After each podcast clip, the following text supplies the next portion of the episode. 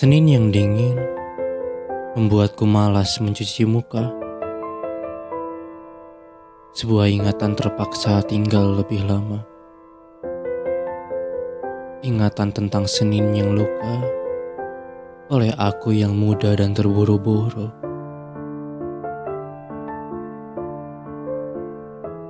Telah lama kau menjadi kupu-kupu di rumahku.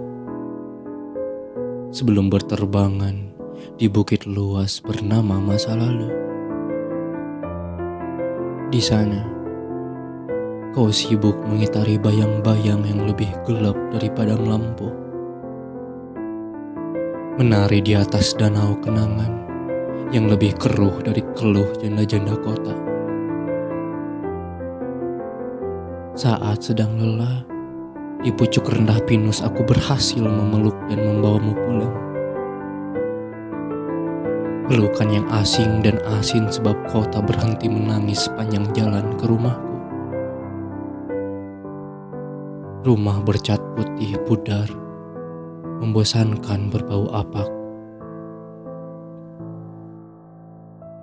Jendela-jendela berkarat dan segala pintu kututup rapat sebab aku enggan menaruhmu dalam stoples kaca.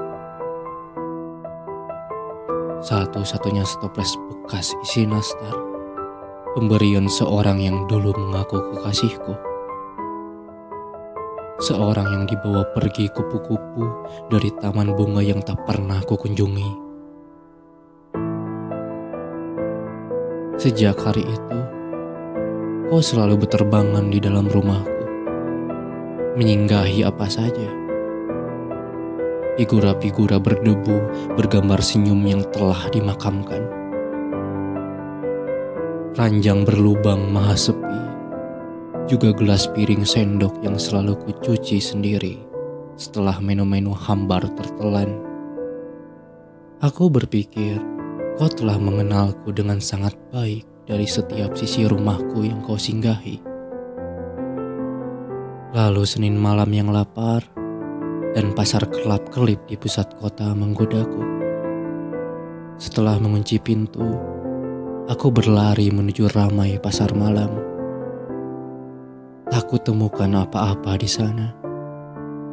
Selain kesunyian yang lain dan setoples baru berwarna biru tembus pandang untukmu.